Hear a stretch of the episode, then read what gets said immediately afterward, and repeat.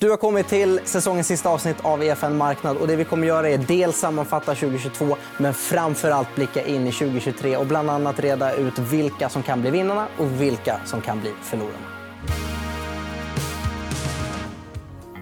Och med mig för att avsluta 2022 och blicka in i 2023 har jag Lotta Faxén, Lannebo. Välkommen. Tackar, tackar. Och eh, Martin Nilsson, Redeye. Välkommen hit. Tack så jättemycket. Om ni får välja varsin höjdpunkt från det här året... för Det har kanske varit lite ont om höjdpunkter, så vi ska liva upp det lite. Vad hade ni valt då?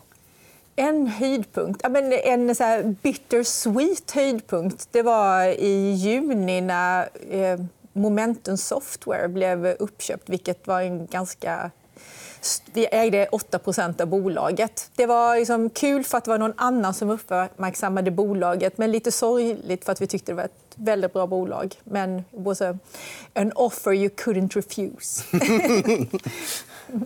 ja.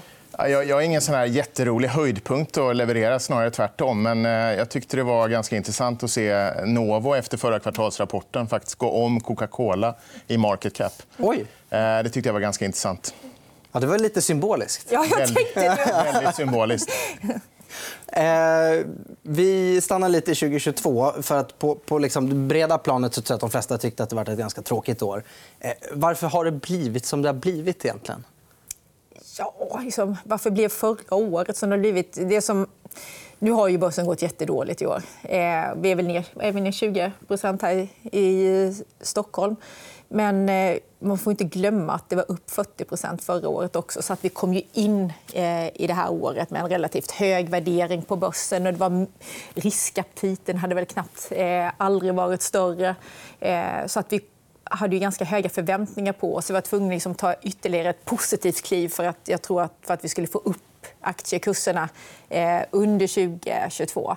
Men sedan så har det ju hänt så mycket elände runt om i världen. så att bussen, att börsen har gått ner det kanske inte är så konstigt. Eller vad tycker du? Nej, absolut inte. Alltså, på något sätt får man ta ett steg tillbaka. För att vi har haft en, en ganska hög inflation onekligen, i, i världen. Och, eh, den bygger på Ehm, centralbanker som har pumpat in pengar i systemet. Sen då, ja, det accelererade under covid. Och sen när vi kommer ur covid så är värdekedjorna ganska uttömda. Ehm, det finns väldigt mycket pengar på marknaden och mindre produkter. Det skapar inflation. Och sen då, utöver det här så har vi haft geopolitiska kriser. Som, som när, när Ryssland då invaderar Ukraina så har det ganska stora påverkan på matpriser. Och och energipriser utöver då det mänskliga lidandet. Så att, eh, att marknaden är ner är ju inte jättekonstigt. Liksom. Nej. Vad, vad kan vi lära oss av 2022? Då? Jag tycker man kan lära sig någonting av eh, alla år. Men det som... Jag tror att eh, det, nu har vi haft en väldigt stark börs under många år. Jag tror att vi hade under 2011 var ju börsen ner. Eh, och det var ju på grund av eh, eurokrisen.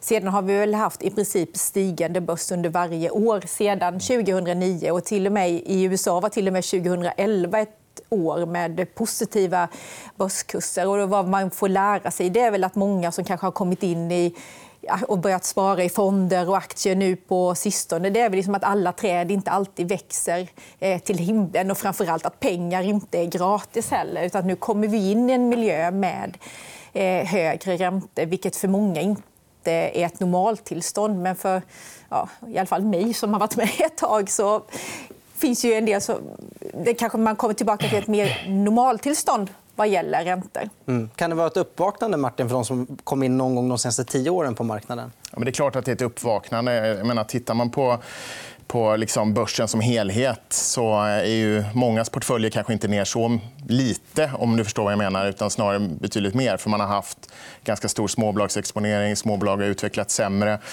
Så det är klart att det är ett uppvaknande. Men lärdomen får vara liksom att till syvende och sist så är det alltid värdering som gäller. Och det är lite där, där vi är just nu. Och eh, personligen så tror jag att eh, inflationen kommer säkert lugna ner sig nästa år. Min förhoppning i alla fall. Eh, men jag tror att det är ett ränteskifte. helt enkelt. Jag tror att du kommer se en, en längre period med stigande räntor. Eh. För mig påminner det här året ganska mycket om eh, hur det var efter it kraschen eller it-håsen som vi hade. Då var det lite samma scenario på marknaden under 2021 som det var under 1999. Att man var väldigt riskbenägen. Man kastade in pengar i bolag som inte tjänade pengar och som hade högre, skuld, eller högre förluster än vad man hade eh, intäkter. Eh, och det är liksom lite till, för oss som kommer ihåg det tror jag kände igen sig ganska mycket från hur det var då. Eh, så att, eh, jag tror att det är bolag som inte tjänar pengar eh, och som är på väg in till börsen nu, de kan nog få det svårt ett tag framöver. För riskviljan har minskat ganska mm. mycket. Den, den lärdomen är väldigt intressant. Därför att jag köpte min första lägenhet 2001. Jag trodde du skulle säga att du köpte din första aktie. Nej, nej, nej, men jag köpte min första lägenhet i Hammarby sjöstad. Och den kostade ungefär 20 000 kvadraten. Mm. Och när vi hade bott ett halvår så tror jag 6 av 71 lägenheter var sålda. Vi kunde knappt sätta föreningen. Och man kunde knappt få lån från banken. Eh, skulle låna ett mindre belopp för det här. Eh, det man inte fattade då var ju att man gjorde en av sina bästa affärer någonsin i den turbulens som var. Så att det är väl värt att notera att har man problem med privatekonomiska liksom, höga kostnader och sånt där, ja, men då tror jag inte börsen är rätt att vara i just nu. Men har man en långsiktig horisont så är det ju i osäkra tider som man faktiskt kan göra de riktigt bra affärerna. Mm. mm. Om ni skulle få döpa börsåret 2022 till någonting, vad hade ni valt då? Jag och min kollega Peter brukar kalla det för skitåret. Det kanske man inte får säga här. Jo, det är bra. Jag tycker inte man ska linda in saker så och Det är mycket. inte bara börsen, utan det är ganska mycket annat också. Med ja. Det är krig och elände mm. och liksom mänskliga tragedier. Så det har inte varit ett så roligt år direkt. Nej. Mm. Kan det bara bli bättre sen, eller hur Martin? Ja. Jag hoppas på det. Ja. Eh, nu ska vi göra det som är roligast också. och Det är att blicka framåt. Vi hoppas att 2023 kan föra med sig väldigt många julklappar. för Det behöver vi. Mm. Eh, en av dem vore ju trevligt om det var positiv avkastning. Här ser vi i alla fall... Den här, jag ska ta oss igenom den här. Det här är alltså värderingsestimat för 2023. Hur de har rört sig under 2022. Så att det man ser då det är ju att eh, förväntningarna på... Det beror också mycket på att kursen också såklart har kommit ner. Eh, men det känns som att värderingsmässigt så är det lite lägre ribba att hoppa över nästa år så länge då vinsterna håller. Men frågan är, gör de det, Lotta? Ja, men jag, det är också så här, det, det måste man också nästan se bolag för bolag. Men det som man ska komma ihåg är att när vi gick in Eh, I 2022 då var det ju väldigt många bolag som kom, det liksom var extremt eh, höga värderingar. Mm. och många Poppisbolagen kanske liksom är fel att säga, men det var ju väldigt höga förväntningar på bolag. Det kan alltså vara som ett Sinch och eh, alla de här eh, eh dataspelsbolagen. Det var ju väldigt höga förväntningar och betydligt högre multiplar på dem eh, då än vad... Och där har ju förväntningarna kommit ner och det också beror då på att aktiekurserna eh, har kommit ner. Så att det är både Nästan tror jag faktiskt att det är mer en effekt av att en del väldigt högt värderade bolag har kommit ner istället för att estimaten har kommit ner. För att det är många av de här mer traditionella, vanliga bolagen som eh, verkstadsbolag och banker, där har ju liksom snarare eh, estimaten kommit upp under året. Och bankerna gynnas ju av att vi har högre räntor. Eh, och många av verkstadsbolagen har ju gynnats av den svaga kronan som har puttat in väldigt mycket vinster i resultaträkningarna. Så jag tror liksom att det är en kombo av att förväntningarna har kommit ner men även att aktiekurserna då har och ner ganska rejält i mm. många bolag. Så inte nödvändigtvis lättare ribba att hoppa över? Alltså. Nej, men kanske inte. Sedan tror jag nog också att... Usch, nu låter jag så här jätte så här bäsig och tråkig. men jag tror faktiskt att estimaten ligger lite för eh, högt fortfarande. Eh, vi har ju inte riktigt sett eh, effekterna av högre räntor. Eh, det är ju faktiskt först nu som man börjar se förändringar i bolagen vad gäller uppsägningar. Mm. Eh, det såg vi ju inte under tidigt under 2022 utan det är ju sånt som kommer nu, att bolag faktiskt behöver säga upp folk också. Eh, så att just så här, vad gäller konsumtion kanske jag fortfarande ligger lite åt det försiktiga hållet. Och sedan får vi faktiskt inte glömma också att dollarn har ju kommit ner från 11 till vad är det, 10 20 eller någonting vilket också får en så liten negativ effekt på resultaten för många exporterande bolag. Och samtidigt gynnas de importerande bolag. Ja, men det är en ganska knepig mix. Är nej, men, nej, men du, är helt, du är helt rätt i det. Jag menar, analytiker jobbar på det sättet att de justerar ner innevarande år. Och så kanske de gör mindre justeringar på nästa år. Nu är vi där. Så att det är klart att de ligger troligtvis för högt på sina estimat generellt sett. Men I det vissa kanske fall- börsen redan vet? I eller? vissa fall är det säkert diskonterat, men absolut inte i, i, andra fall. Jag håller med dig helt med konsumtionsdelen. Jag tror att eh, människor, gemene man, kommer fokusera liksom på att försöka hålla kostnaderna nere så länge vi har den här inflationen, så länge vi har det elpriser, bränslepris. Jag menar, konsumtionsvaror måste ställa dig frågan liksom, behöver du köpa en båt. Svaret är nog nej. Behöver du köpa en husbil? Svaret är nog absolut nej. Eh, men behöver du betala mobilräkningen? Ja, det behöver du om ditt företag inte gör det. Behöver du betala för hyran eller bolånen? Ja, det är sånt man gör liksom, tills det blir riktigt illa. Så jag tror att man kommer att vara väldigt försiktiga. Konsumentaktier har ju gått fruktansvärt dåligt. Hedgefonderna har blankat sönder de här aktierna. Så det är en sån crowded trade om det skulle börja förbättras. Men jag tror, precis som Lotta, att det tar eh, längre tid. Det är min bestämda uppfattning. Och sen finns det ju såna här små grejer också som man kanske inte riktigt tänker på. Det här med leasingbilar har ju liksom exploderat de senaste åren. Det finns inte en person som köper sin bil utan man leasar den eh, och hyr den då på tre år. Men kostnaden för det den justeras ju också i takt med att räntorna stiger. Så att kostnaden för att hyra sin bil har ju också gått upp. Och vill man fortsätta ha sin bil så tar ju det också konsumtionsutrymme förutom att bränslepriserna elpriserna ehm, är högre. Så att jag, jag tror det kan bli ganska knepigt nästa år att veta liksom exakt eh, hur det ska bli. Och jag tror fortfarande att börsen kommer vara liksom lite svajig och volatil för att, innan liksom, det sätter sig alltihopa. Vi hade ju faktiskt en, man har inte haft så mycket positiva vinstvarningar men vi, hade, vi äger ett eh, finskt bolag som heter Puilo som knappt en människa har eh, hört talas om. Men de finns inom lågprissegmentet inom byggvaruhandeln. Och de har faktiskt väl ganska bra försäljning nu. För att istället för att anlita, anlita en hantverkare då försöker man fixa det själv. Eh, och eh, istället för att gå till dyra k så går man till lite billigare eh, Puilo. Så man kan ju ändå liksom någonstans hitta vinnarna här om man gör sin läxa. Ja, man är lite kreativ. Ja, Men- precis. men Det kommer i och för sig bli bra tider för hemma, hemmasnickarna när de måste komma dit och göra om det alla... alla Men det är 2024. Så alla vinner på det. Alla vinner på det. Det kommer finnas Det mycket kommer att ta igen finnas mycket att ta igen. Liksom. Ja, jäklar. Men finns det några mer såna här grejer som, som kanske skulle kunna gynnas nästa år som man inte riktigt har tänkt på eller som inte är en crowded trade än? Alltså det, nu är det väl liksom som att eh, slå in eh, öppna dörrar. Men eh, jag tror ju fortfarande på det här med energieffektivitet. Att det kommer liksom leva kvar under många år, inte bara här eh, i Sverige. I Sverige är vi ju faktiskt ganska energieffektiva redan. Men man är ju inte det i alla länder. Och den vågen, eller vad man ska säga, eller det investeringsbehovet, det tror jag kommer finnas där under många år framöver. Och det finns ju ganska många svenska verkstadsbolag som är inriktade mot eh, det segmentet. Och det är väl kanske därför som många av dem har klarat sig relativt bra i år också. Vilka, Nej, jag- jag- vilka, vilka bolag då? Nej, men till exempel Alfa Laval tillverkar ju värmeväxlare.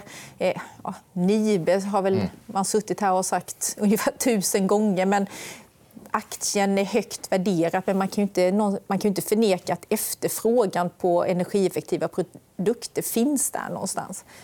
Mm. Nej, men jag, jag håller mig helt med. Alltså, tittar man, för mig, är de sektorerna som är intressanta det är det som har varit underinvesterat under en längre period. Alltså, där tror jag du kommer hitta vinsttillväxten. Har du lösningar för konsumenter och företag när det gäller energibesparingar? Jag tror att problemet med energi kommer fortsätta. Min förhoppning är ju att det här fruktansvärda kriget ska ta slut. Men jag menar, hur ser den europeiska energiförsörjningen ut nästa år om det fortsätter? Den kommer vara ganska allvarlig. Så jag tror vi kommer se incitament från regeringar eh, där man helt enkelt kommer gå in och eh, subventionera investeringar som minskar energiförbrukningen. I fastigheter i EU står för ungefär 40% av energiförbrukningen. Där kan man göra jättemycket saker. Men som konsument så kanske man inte vill att ta den investeringen. Ska du byta fönster då pratar vi ganska stora investeringar. Det kanske man inte vill att göra nu när det är ganska tufft i plånboken. Men jag tror att stater kommer gå in och faktiskt hjälpa till. Så det, finns, det här området tror jag jättemycket på under en väldigt lång period. också. För det här är ingenting som kommer försvinna nästa år eller året efter det. Och det kommer finnas kvar också. Jag menar, Europa har satt sig i en, en sits där man är beroende av rysk energi. Och det tar lång tid att och eh, minska det beroendet. Men jag tror att ambitionen finns där från, från regeringen att göra det. Det kommer gynna de här bolagen. Och även när, när säger kriget tar slut, Ja. eller om eller när det tar slut så vill man ju inte hamna i samma situation Nej, igen. Det exakt. kommer ju vara jobbigt för rysk, att ha använt sig av rysk gas under mm. många år framöver. Mm. Finns det någonting, förutom då, eh, kanske konsumtion, som ni tror kan ha det kämpigt nästa år? Det finns för höga förhoppningar på förvärvsbolagen till exempel eller någonting annat? Ja, men alla bolag tror jag som är för högt, eller för högt skuldsatta tror jag kommer ha svårt svårare med eh, finansiering och jag tror att också de kommer få svårare att eh, göra nyemissioner. Vi har ju sett ganska... Jag kommer ihåg, det kommer du säkert också ihåg under finanskrisen att ju tidigare man var ute mm. med sin nyemission desto bättre villkor får man. Och nu har vi sett en del eh, emissioner inom fastighetssektorn men vi har inte sett någonting riktigt inom vanliga bolag eller Nej utanför fastighetssektorn. Men just det bolag med för hög skuldsättning, det, det tror jag det undviker vi i alla fall. Och det tror jag är för tidigt. Men jag tror, jag tror liksom, man måste fokusera på att titta på hur, hur, ser, hur ser de här företagen ut finansiellt men också hur ser ägandet ut. Mm. För det kan mycket väl vara att ett bolag är intressant men har för hög skuldsättning. Har man då rätt ägare, det vill säga ägare som har bra med kapital så kan det finnas emissioner som är intressanta att vara med på. Men bolag med eh, svagare ägare men också då problem på den finansiella sidan det är den viktigaste analysen att göra. för De kommer ha, det, ja, de kommer ha en utmaning. helt enkelt. Ja, men jag tror, pengar, som du säger, Martin, att det är som pengar för så här framåtlutande förvärv eller så, mm. det tror jag det kommer finnas. Men just bara pengar för att rädda en balansräkning. Där tror jag Mm. Man, det kommer bli mycket mer ingen kö, ingen kö Nej, jag tror och det är likadant när vi pratar om de här förvärvande bolagen. För att det var ju förra årets ord. Det var ju compounder. Du måste ha hört så många gånger i det här programmet. Så att du... Jag fick tvätta öronen. Ja, jag Men poängen är att tittar man på, på de bolagen nu så har det urskilts två läger. Du har ett gäng med bolag som använder det operativa kassaflödet att fortsätta göra förvärv. Och självklart så vill man att de ska göra det i tuffare tider. Eh, sen har du då de som, som har köpt med aktier. Och det är klart, De kommer ha det tufft. För de kan inte köpa med aktier. De kan inte emittera aktier på samma sätt. Men också de här bolagen som ska bli förvärvade. De som har fått aktier de senaste åren de har ju sett sina aktier falla kraftigt nu. Men egentligen, om man blir uppköpt nu... Det är kanske nu man ska ha aktier. Förstår jag menar? För att de är så nedtryckta. Men då vill man inte ha det. Då vill man ha cash istället. Så jag tror att den där svenska modellen när det gäller förvärvsbolag den är onekligen levande. Även om de aktierna har haft det tuffare i år. De har haft en multipelkontraktion. Men det bygger egentligen på att de var så uppvärderade förra året. Men jag tror att modellen fortsatt fungerar om du använder kassaflöde för att förvärva bolag. Mm. Hellre kassaflöde än aktier, alltså? Att förvärva med? Cash is king. Cash is king. eh, innan vi rundar av så ska ni få se en eh, riktigt vass prognos från i somras. Titta här. 10 miljarders kronors frågan. Mm. Står börsen högre i slutet av året än den gör idag? Ja, jag tror det. Jag skulle också gissa på det. Ja, är det, är det, vi ska inte jinxa det nu, för det är ju faktiskt några börsdagar kvar på året. Ja. Men det, jag tror vi är 5% upp ungefär på OMXS30 sen dess. Mm. Känns det bra? Känns det som att du satte huvudet på spiken? Ja, där satt jag. Nu kan jag leva lycklig resten av livet. ja, men I och med att det blev så bra prognoser i som, somras så tänker jag ändå tvinga er att bjuda på en gissning för nästa år. Jag tror att... Var det jag som satt bredvid eller var det Erik Sprinchorn? Ja, det var Erik Sprinchorn. Ja, så, vet. så himla lika. Så. Ja, men min, min känsla är att du kommer kunna axla den manteln minst lika väl. Okay, eh, men, men eh, vad tror ni? Det, och jag tror tittarna förstår att det är ju mest gissningar. Det är svårt att veta. Eh, jag... Oh, detta är ju alltid så jättesvårt. Ja. Men ni får inte hänga mig ifall det blir fel. Jag tror att, nog att det kan komma ner och vända till ja. rejält. Men jag tror att eh, börsen stänger på plus 2023. Mm. Kul.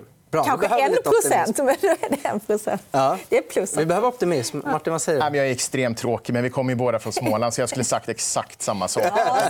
Det, är, det, är, det är konsensus, så att nu vet ni att det inte blir så. Ja, det är bra. Då går det ner 20 ja, exakt.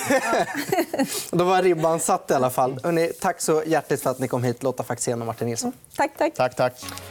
Och det var allt vi hade faktiskt för hela den här säsongen. Men vi är såklart tillbaka 2023 igen. Tack så hjärtligt för att ni har tittat. Prenumerera gärna på kanalen om ni har tittat via Youtube. På Instagram heter vi EFN Aktiekoll. Och har ni några önskegäster 2023 så kommentera.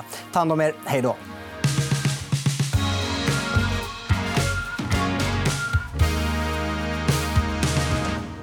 Du har lyssnat på EFN Marknad, en podd av EFN Ekonomikanalen. Mer om ekonomi och aktier finns på efn.se.